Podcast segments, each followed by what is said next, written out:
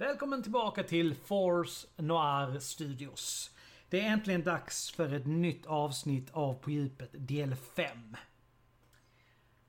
Innan sommaren kom igång på allvar så satte jag mig ner med min gamla poddvän Tina Sörensen och spelade in detta samtalet. Det blev ett väldigt eh, intressant samtal. Som alltid om väldigt viktiga, djupa ämnen.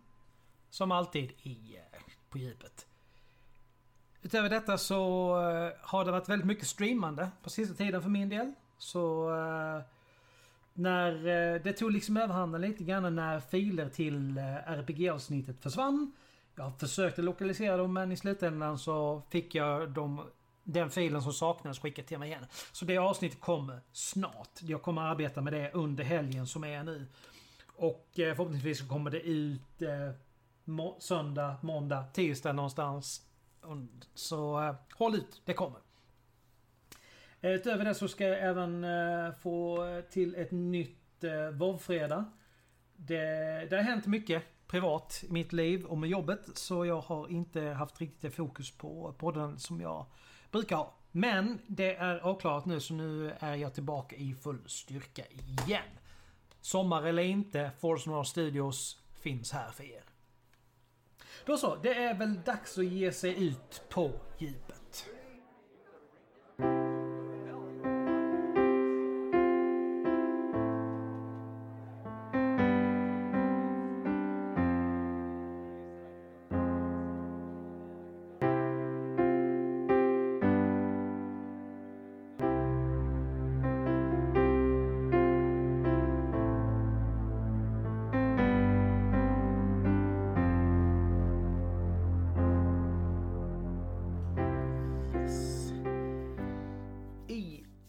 De tider som råder så eh, sitter jag med min gäst idag över Skype och spelar in det här.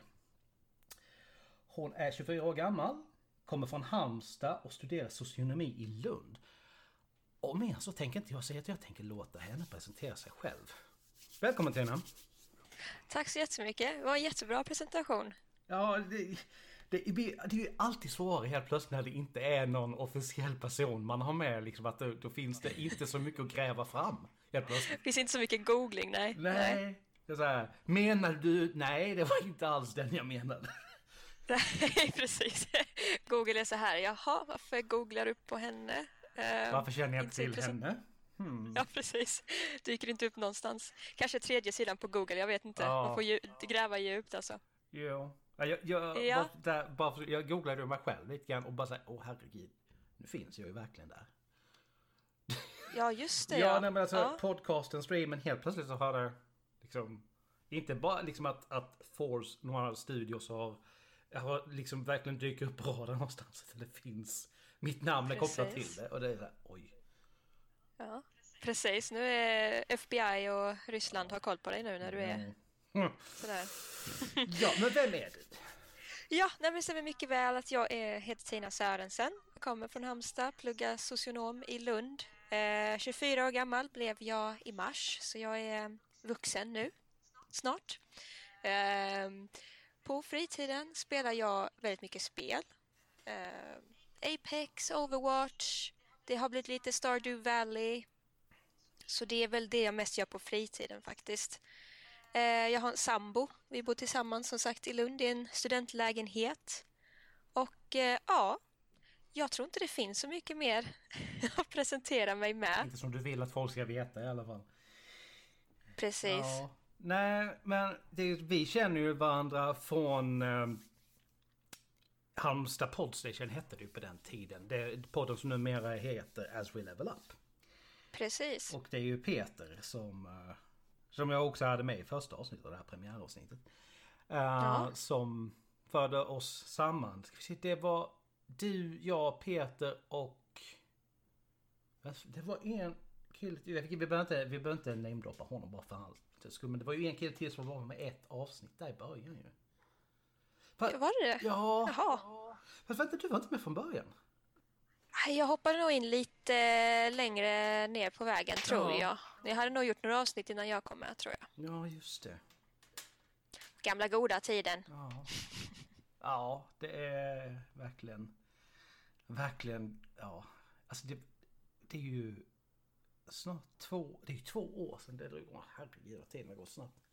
Ja, det är helt sjukt. Det är helt sjukt faktiskt. Mm. Och vi har blivit så gamla och visa på den tiden.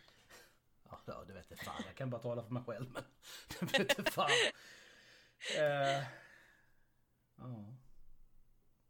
Kan ju bara, alltså så här, jag vill ändå bara beröra det innan vi går in på ämnet vi ska slumpa fram här. Eh, att jag säger som alla andra, snälla, måste ni inte ut, håll er inomhus. Det är inte värt det. Och jag ser alltså dagligen hur det var ju som en jag såg, han är som jag som jag känner som han hade gått till systemet och det är var alltså en, hel radda folk 70 plus. Som var där. Och man Oj. blir lite såhär, men varför? Ni sitter ju mitt i riskzonen. Snälla bara håll er hemma. Ja, precis. Ja, det vet du extra mycket också som jobbar inom vården. Ja, alltså. Alla som är i någon typ av riskgrupp, om det är för grund av att de har någon annan underliggande sjukdom eller då ålder 70 plus. Alltså, ni är utsatta. Snälla, utsätt er inte för detta. Det är Precis. bara så onödigt. Och tvätta händerna. Ja, Tvätta tassarna. jo, de har alltså det här är det jag höll på att gräva igen med. Så de har gjort en Baby Shark version. Wash Alltså. your hands, du, du, du, du, du, use the soap, du, du, du, du, du, du, lots of soap, du, du, du, du, du, du, wash your hands. Det är kanske det som krävs. Ja, ja men det, det rullar ju över och det, alltså det är väl det som gäller. Bara nöta in det i folks medvetande så att, det- så att det verkligen sitter. Precis. Ja, nej, det är väldigt viktigt. Mm. Det är väldigt, väldigt viktigt. Alright, då så. Då antingen så drar du ett nummer mellan 1 och 8 eller så slår jag min lilla TT här och på 9 och 10 så slår vi om. Okej, ja men eh, slår du så redovisar du. Ja, Fem. Dödshjälp. Fem. Oj, oj, oj. Åh, herregud. Ja. ja det. Oj. Hoppsan hejsan. Jag, tror jag tror inte ens jag har någonting för, alltså några frågor förberedda på det så för att det är... Alltså det är så... Det är tungt. Vad säger man? Alltså vi har ju inte dödshjälp i Sverige men samtidigt behöver man inte bege sig så jädra långt. För att kunna få Nej. det ändå. Nej, alltså det är ju ett väldigt känsligt ämne. Det finns det är ju säkert många olika cases som är väldigt relativa och ja, det är väldigt polariserande ämne. Har du så här några direkta åsikter när du hör dödshjälp? Ja, alltså med tanke på vad jag jobbar med. Jag jobbar ju som personlig assistent och i det här fallet då för en dödssjuk människa verkligen. Ehm, Mm. Jag kan någonstans tycka att det är varje individs rätt att bestämma över det. Om man, eh, som i det här fallet då vet, det finns liksom inte någon chans överhuvudtaget. Det går bara att bromsa det här. Det är 100% dödligt som det är just nu. Då kan jag tycka liksom att nej men då ska fan man som person få bestämma själv hur man vill avsluta sitt liv. Det, jag menar vill du inte sitta uppkopplad till apparat, apparater tills kroppen verkligen jobbar, men då ska man inte behöva göra det. Nej, nej, jag håller med att det är... Det, man får ju titta på kvalitet, kvalitet av liv istället för kvantitet. Att det, man ska inte leva så länge det går om det inte finns kvalitet i livet. Liksom. Vad är det då för mening? Eh, man ska inte leva för andra heller som vill kanske ha kvar det när man själv känner att nu är, det, nu är det dags, nu finns det inget annat. Och man kanske har så mycket smärta, kronisk smärta och annat som du säger att det blir inte bättre, det kommer aldrig bli bättre. Eh, nej, det är väldigt känsligt. Men ehm, det är absolut inget enkelt svar på det. Nej men det finns ju, alltså det är ju, det är ju lite grann det som är hela grejen med det här. Det finns inga enkla svar egentligen på något av dem. Någon av Mm. ämnena jag valt är lite grann det som är hela poängen. Och alltså jag blir ju någonstans så här, alltså det finns samtidigt så mycket att säga och så väldigt lite att säga om det egentligen. För någonstans bottnar det i att du ska kunna ha att du ska kunna ha kvar ditt eget val. För det är, Mm. alltså det egna valet är in i det sista det enda som vi egentligen kontrollerar i livet. Mm. Mm. Och att då få det borttaget från sig, alltså det... Pff, nej, jag skulle inte vilja vara i den sitsen. Nej, nej, det förstår inte jag heller. Det handlar ju om autonomi och självbestämmelserätt och eh, när man har kommit så långt att man inte längre har det då... Ja, nej, väldigt, väldigt hemskt. Eh, sen klart med allt det här med dödshjälp så blir det ju också var gränsen går för Ja. vem som ska få dödshjälp och det är ju där kanske det kan bli eh, lite komplicerat. Jo, minst sagt. För att samtidigt som du har det här med självbestämmande. Om du då inte kan helt plötsligt förmedla det till omvärlden överhuvudtaget. Mm, precis. Du har... eh, Nu, nu, alltså, tar jag alltså, reella exempel när jag tittar liksom bakåt på vad jag har jobbat med. Där du helt plötsligt slut bara har ögonen du kan kommunicera med. Och Mm. den svårigheten bara det medför liksom då att de övriga runt dig familj, assistenter om du vill säga sjukvård ska tolka det här. Mm. Och alltså bara, bara, bara, bara föreställ dig den känslan liksom att du vet inte att du tolkar rätt. Om jag nu tolkade fel och personen försökte säga det liksom nej jag vill absolut leva. Och du Ja, misstolkar det. det fullständigt. Mm, precis. Alltså det... Oh. Mm, ja, det är, usch, det är väldigt, det är nästan som att vara fast i sin egen kropp på något sätt i så fall. Ja, Eh, det är, ja, det är mardrömsmaterial faktiskt. ja. Nej, men det är ju, Men verklighet för många. det har ju så, det har ja. gjorts filmer på det här temat också. Jag kommer inte ihåg vad den heter men det är ju som det, den... Uh, Metallica gjorde ju en eh, musikvideo där de hade plockat bilder från en gammal svartvit film. Där det är en soldat som har träffats av en granat och det är i princip bara huvud och torso kvar. Mm, Så att alltså det är ju ett... Någonstans är det ju så att vi behandlar ju alla såna tunga grejer alltså med, med humor eller så gör folk film om det någonting. Liksom. Det, mm, men det som jag tycker någonstans tycker är viktigt i allt det här är liksom ändå hur tungt och jobbigt det är ändå att du ändå verkligen förhåller dig till det. mm, just det, precis. Ja men du kan hamna i den, i den sitsen själv. Ja, jo, det är helt sant och eh, jag tycker ändå också att eh, när man ser folk gå igenom olika sorters smärtor eller olika sorters handikapp att eh, samtidigt, nu kanske vi kommer bort från det här med dödshjälp, men samtidigt att eh, man inte ska bestämma någon annans kvalitet på livet. Tänka oj, där sitter han i sin rullstol, det kan inte vara roligt, det kan inte vara härligt eller eh, man kan ju fortfarande leva ett väldigt fullt liv. Ja men absolut, det är ju därför vi, alltså, det är ju därför vi har en sån grej som personliga assistenter, eh, hemtjänst och så vidare. Är ju Mm. för att kunna hjälpa till och Alltså jag brukar beskriva mitt jobb så här då som personlig assistent. Vi ska försöka ge brukaren ett värdigt liv med kvalitet och alltså så att kunna göra med hjälp av oss så mycket som, som Mm. personen kunde göra innan Mm. olyckan, sjukdom, vad det nu är när det hände. Och... Ja, hur fan ska man uttrycka det? Ehm, det är ju någonting som, vi, som var väldigt unikt för Sverige under lång tid. Men nu har ju övriga världen liksom fattat det här. Ja, ja, okej. att Storbritannien har ju liksom fått igång liknande grejer. Det kallas ju care worker i övriga världen. Ja. Liksom så på, på engelska i alla fall. Och... Ja, nej, alltså jag kan, bara, jag kan ju bara, bara se som så här liksom, det, det står, jag har ett testamente, jag vet 42 år gammal men jag har testamente Mm. för det finns vissa grejer som är jätteviktigt för mig. Och där står, liksom en av de få grejerna som står där är att om jag hamnar i någon typ av livsuppehållande maskin så vill jag att den ska stängas av. Just det, Det- sådana kan man skriva i förväg. Ja. Ja. Ja. Men det är alltså så här, det finns Mm. nedskrivet liksom. Och eh, det har ju sett till så att det finns några personer som har lösenord till datorn så de kan komma in i den. Mm, precis, precis. Det är, för att någonstans är det ändå så liksom, livet är väldigt bräckligt. Du kan snava på trottoaren imorgon och bryta nacken. Mm. Och det, alltså det låter tragiskt och deprimerande men sån är tyvärr verkligheten.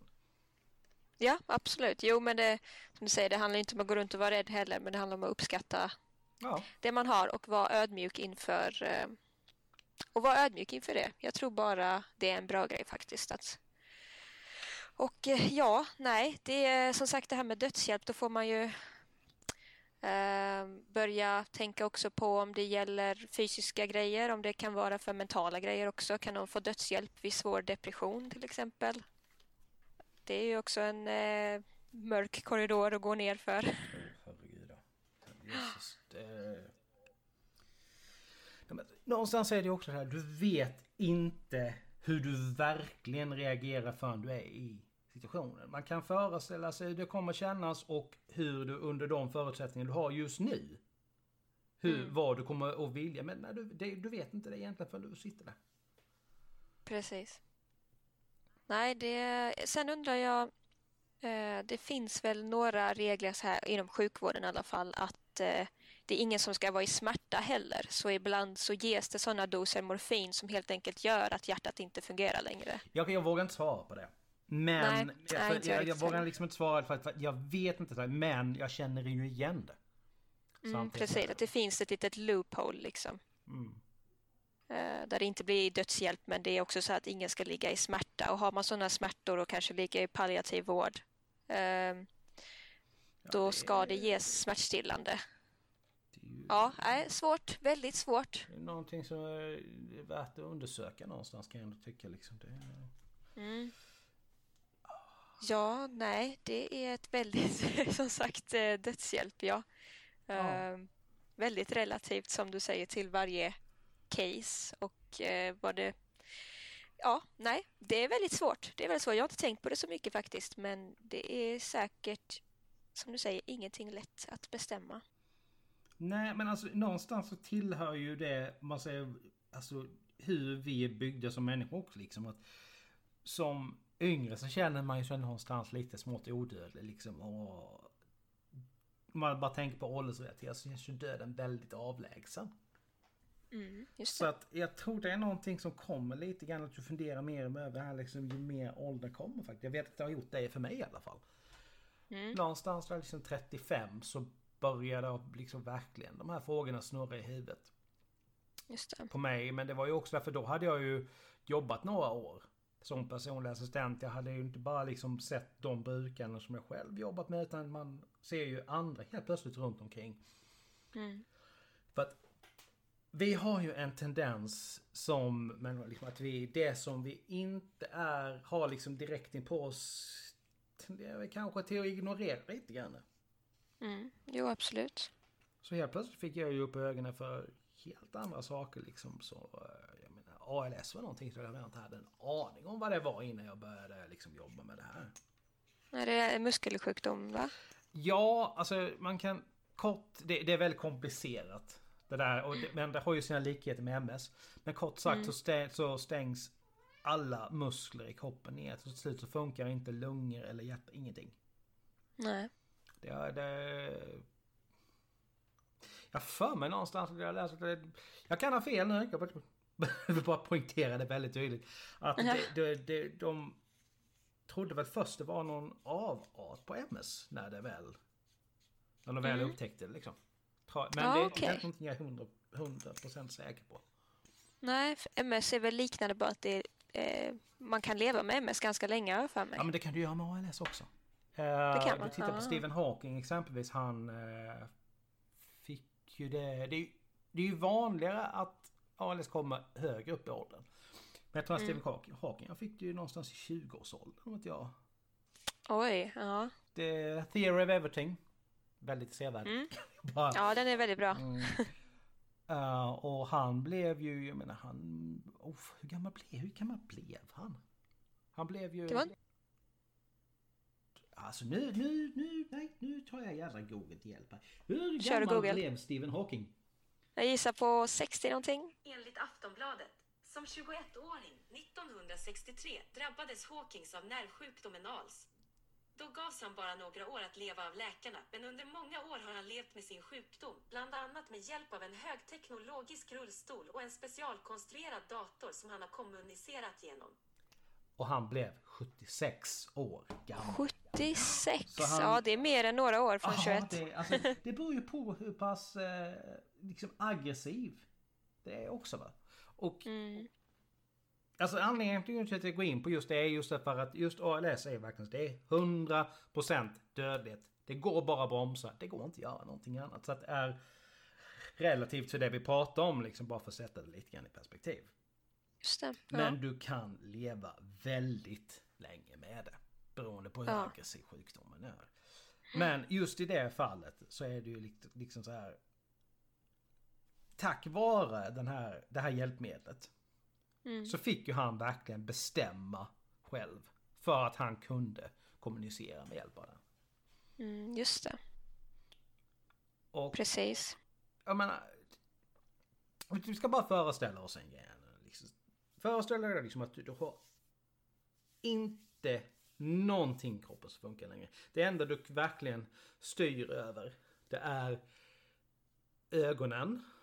Någon annan mindre grej liksom. Ingenting annat funkar. Hur fasen förmedlar du till familj, assistenter och vidare att jag vill inte det här längre? Nej, det är en väldigt bra fråga. Som sagt, det är nästan lite annat bara jag tänker på det. Men det Mm. Ja, precis. Det är ju också att förlora eh, sättet att uttrycka sig på. Ja. Eh, och om man nu ska uttrycka sig, att kanske inte kunna uttrycka sig så nyanserat som man vill. Ja. Eller den kapacitet som man vill. Så det är, ja, det, är- det är väldigt läskigt. Och då är det kanske bra också, som, som du sa innan, att man skriver ett testamente eller man Ja. skriver andra grejer innan. Så att ja, då anhöriga runt vet vad man vill helt Ja, enkelt. och när man kan då verkligen sätter upp alltså ett, ett säkert system för hur ska det här gå till. Mm. Du har ju massor av grejer. Liksom, du kan skriva testamente. Du kan bestämma liksom att ja, under en så här lång tid så ska jag konsekvent svara ja på den här frågan innan. Alltså det, Mm. Men du måste ta de besluten. Och sen ska man ju inte glömma där vilket, vilken jädra sten som läggs på, för det blir ju familjen. Och de, Mm, efterle- de efterlevande då, om man inte har någon familj, som måste på något sätt ta de här besluten. Precis, ja. Och det, Ja. alltså, för jag, jag har ju sagt på jobbet liksom att, för det, den här frågan kom upp. Mm. Och jag sa bara, ja, ja, jag hjälper inte till med det. Jag gör inte det. Nej. För alltså jag hade... Ja, mitt samvete hade, hade haft ihjäl mig om jag hade behövt fundera på det där liksom att... Tolkade jag verkligen det svaret rätt? Mm. Mm. Och det... Nej. Usch, Det är ett himla ansvar, ja. ja. Så samtidigt Ja. någonstans vill man ju som vill så... Vad ska man säga? Då vill man ju det allra bästa någonstans för Mm. Ja, vänner, vänner också för är alltså familj. Och hur fasen avgör man det?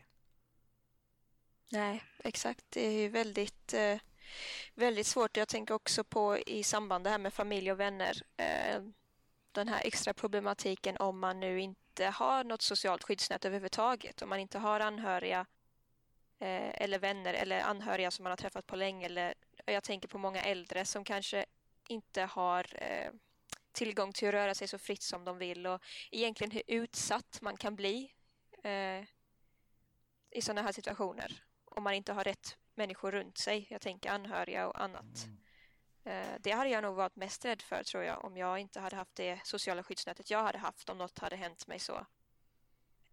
Alltså kan jag lita att de runt mig vill mitt bästa eller hör vad jag säger eller försöker förstå mig. Ja. Det, det är läskigt. Det är en väldigt utsatt situation att ja, inte vara fullt frisk kanske. ja. Nej det... Åh, vad tungt. Ehm, Ja, det är tungt. Ja. Men det... Det finns mycket bra inom sjukvården och som sagt, vi kommer längre och längre i vårt, eh, tror jag, tänk kring medicin och eh, människans självbestämmelserätt och det finns många bromsmediciner till mycket och mycket bra grejer också. Mm. Så att, eh, ja, nej det är tungt. Det var, det var en jäkla fråga Alex. Vad är det Ja. här? Men alltså bara, om, vi, om vi tar det här scenariot då. Vi säger nu att man får fram ett säkert svar från person X att nej, vi ska avsluta det här. Två månader efter att kontakten har dragits, vad det nu är som måste göras. Så hittar de ett botemedel. Ja. Ja, det är såklart sånt man får eh, räkna in. Ja. Men eh, man måste ju göra beslutet på den situation som finns framför en. Och, ja, Men jag tror också att det är mycket just sådana här frågor som gör att det vi ändå har valt i Sverige att inte har dödshjälp. precis. Eh, Ja. Vad deprimerad jag blir. Lite jag också. Ja. Och så tittar man ut så är det bara soligt och fint och blåser visserligen men ja. Ja, nej. Jag tänkte på det, här, vi har ju ak- aktiv dödshjälp har vi inte, men jag tror det jag försökte förmedla innan var det här med passiv dödshjälp, det här med morfinpreparat och Mm. smärtstillande. Mm. Ja, nej, det jag ska säga som 24-åring och student har nog inte tänkt mycket på döden heller. Jag tror jag fortfarande är lite inne i det här odödliga spåret. Ja. Kommer kanske. Ja men... Alltså jag, jag, återigen, jag tror det ligger helt enkelt bara i vår natur att innan vi måste ta, ta alltså sådana jobbiga grejer liksom att vi helt enkelt förnekar det. Jo, det, och det är kanske bra det. Att man inte Ja. går runt och tänker på det. För hade man verkligen tänkt på det tror jag man hade blivit eh, lite som vi är nu, lite överväldigad. Ja. Det är ju alltså... jag är rädd att det kanske är lite mobilt men jag, det är ju det här är ju grejer som jag har, tänker på ganska ofta och det är anledningen till varför jag alltid tittar på Netflix innan jag ska sova. För annars snurrar min hjärna iväg på tusen scenarion och så vidare och så kan jag inte sova. Jo, jag förstår vad du menar. Det är lätt att det blir så. Mm. Man ligger och tänker på en grej och så blir det en annan, så blir det en annan och sen Ja. plötsligt har man eh, gått ner för någon trappa i huvudet, väldigt långt ner i någonting. Ja, och sen, ja men hur stort är universum egentligen och hur liten och obetydlig är jag mitt i alltihopa? ja. Ja, just det. ja, det kan ju vara skönt också. Varje gång jag gör någonting lite pinsamt på fyllan eller något dumt bara så här, eh, inte på fyllan också, så tänker jag bara, kommer någon nämna det här på min dödsbädd? Antagligen inte. Nej. I det stora hela kommer det här inte spela så stor roll. Nej. Det kan vara skönt också att tänka. Ja men alltså man behöver ju alltså sina ventiler för vad det än är i livet någonstans för att du ska orka med. För jag menar det, let's face it. Det, det är inte en så jävla perfekt värld vi lever i. Nej, det är det inte. Men det är kanske bra det också. Jag vet inte. Jag vet inte. Försök sätta en positiv spin på det. Ja. Men du vet vad, nu ska jag vara lite elak så här liksom i, eh, i innan vi rundar av lite grann. Mhm. Om jag nu ber dig att sätta dig in i den situationen. Om någonting sånt där skulle hända dig. Hur skulle du vilja ha det? Ja, jag tror både för mig själv och mina anhöriga om jag hade varit i en sån sits att jag hade velat... Ja, jag vet. Det är jättesvårt. Det beror på helt hur, hur eh, mitt tillstånd hade sett ut, hur svårt det hade varit. Men eh, det är klart, jag tror ingen av mina anhöriga hade velat se mig ligga, ligga någonstans och inte ha någon kvalitet på livet. Och jag tror jag själv hade nog eh, pulled the plug, som man säger. På något vis. Ja, nej, det är jättesvårt. Det är jättesvårt, Alex. Eller om jag var på andra hållet, om jag var anhörig till någon. Nej, det, det är som du säger, det vet man nog inte förrän man är där, tyvärr. Nej. Typ. Det är verkligen en sån ja, sak som bara kommer fram ifall man skulle vara i den situationen. Ja, och som jag, som jag har sagt, liksom, det är ändå viktigt någonstans. Diskussionen i sig är väldigt viktig. Mm, absolut, absolut. För det var som jag pratade med en annan kompis som kommer med ett avsnitt snart faktiskt när jag tänker på det. Eh, att... Och så tappade jag tråden mitt i alltihop helt plötsligt. Fan! uh, bara för att jag kommer att tänka på att han skulle vara med. Ja, Ja, nej, det är helt bortflyget. Jädrar! Jag hade något Oj. jättebra och det bara... Jag försvann direkt. Ja. Det är okej, det var säkert jättesmart. Ja, vi bara men det som att du har sagt att jag det. kände att det var det någonstans. Bara... vad, vad pratade vi om precis innan jag kom på att han skulle vara... Alltså jag ska förklara. det. Jag har, precis, jag har jobbat natt innan så att mitt huvud är lite grann all over the place. Så att, Ja, eh, just det, just det. Ja, vad var det? Vi pratade om dödshjälp och vi pratade om ehm, att man inte vet förrän man är i den situationen. Ehm, ja. Vi släpper det, jag kanske kommer på det. Men, eh, ja. så fort vi lägger på. Ja, vi på precis. Det kom- kommer på Messenger. Så bara, jo, just det, så här var det. Ja, Ja, nej alltså det är ju... Men alltså någonstans måste du ju ändå ha de här diskussionerna hur otrevliga du än är. Jo, nu hittade jag det bara för det. För det var ju som jag sa med en kompis där, liksom. Om det jag sitter och gör här nu får bara en person att tänka till nå, alltså någonting kring det här. mm, Då har ju vi helt plötsligt med vårt samtal nått någonstans. ja. Det, det är ju väldigt viktigt liksom att... eh, Ja. Usch, usch vad, vad djupt det är. nej, men, nej men det är ju så. Jag menar jag, jag, jag, jag, gör ju inte det här någonstans för liksom att... Eh, och det låter ju jättemärkligt eh, när man sitter och säger det så här liksom. Vare sig för bekänd eller någonting så liksom. Utan bara för att... Kanske få en enda människa någonstans och tänk, tänka lite grann. Mm. Jo, men absolut. Och det är- finns ju många sätt att eh, börja prata med sina anhöriga om sånt här eller vad man, ens önskemål. Ja, det finns många saker att fylla i. Jag tror det finns något som heter Vita arkivet också som handlar något om begravning och sånt. Ja. Mm. Eh, det behöver kanske inte vara så mörkt om man pratar om det lite hela tiden. Nej, men- lite då och då. Det blir inget så här stort eh, ödesdigert samtal typ. Nej men alltså visst är det så. Jag menar det kan ju... Alltså nu drar jag en annan parallell här men liksom... Eh, hur om, alltså om man tar eh, sexsnacket då med, alltså, med föräldrar. Mm. Behöver inte lägga, liksom slänga på allting på en Nej. gång. För då blir det inte så stort. Det blir inte så pinsamt. Alltså det... Jag tror du kan applicera det på rätt mycket. Jo, precis. Gradvis. Eh, ja, absolut. Lagom, som vi säger i Sverige. Ja, det är Mm. ett ord som inte finns i något annat språk. Alltså, riktigt. det är det perfekta ordet. Ja. Lagom. Ja. Nej, men jag tittade sådär någon gång liksom på engelska. Det, det närmaste vi kan komma är average. Ja, och det, det tycker inte jag Nej, det är, funkar inte, heller. det är inte riktigt rätt.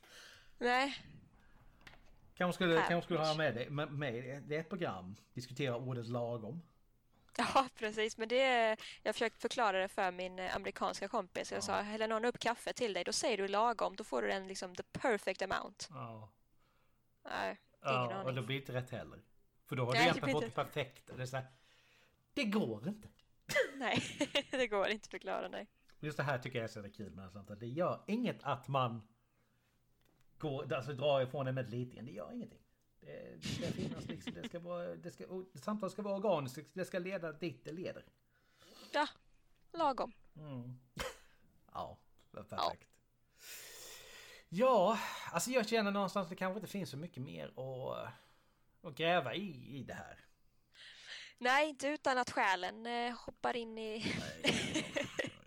Gräver i sig. Helt plötsligt i en helt annan dimension. Man kanske skulle ta och göra något av de här samtalen med tre pers. Ja, kanske. Det blir ju en helt annan dynamik i samtalet. Ja, precis. Speciellt om den tredje kanske har en olik eh, Ja. åsikt. Ja, men jag vet att jag har sagt det nog i varenda avsnitt. Jag, jag skulle någonstans vilja sitta och diskutera invandringspolitik med någon som har, kanske inte nödvändigtvis är SD, men alltså någon som har sådana åsikter. Bara Mm. för den dynamiken i samtalet det hade gett. Liksom. Det, det, den nivån. Ja, där hade du säkert fått material i alla Ja, jösses, där kan man sitta och diskutera i en evighet. Men det hade visst. blivit, nog blivit väldigt intressant. det tror jag det. Ja. Åh, Tack så mycket för att du ville vara med Tina. Och eh, Tack lycka till med. studierna. tack så mycket. Mm. Så hoppas att vi hör eh, mer, mer av dig i framtiden här. Att du hittar tillbaka till podcastandet så småningom. Ja, ja kanske det. Ja. Ha det bra hälsa så hörs vi. Detsamma. Ha det bra.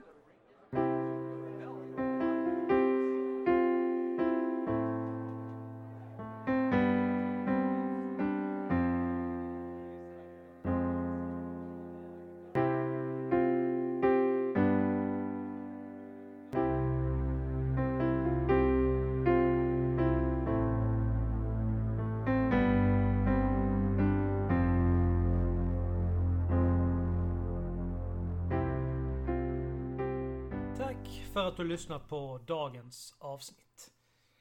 Musiken är gjord av Imaginary Stars Production.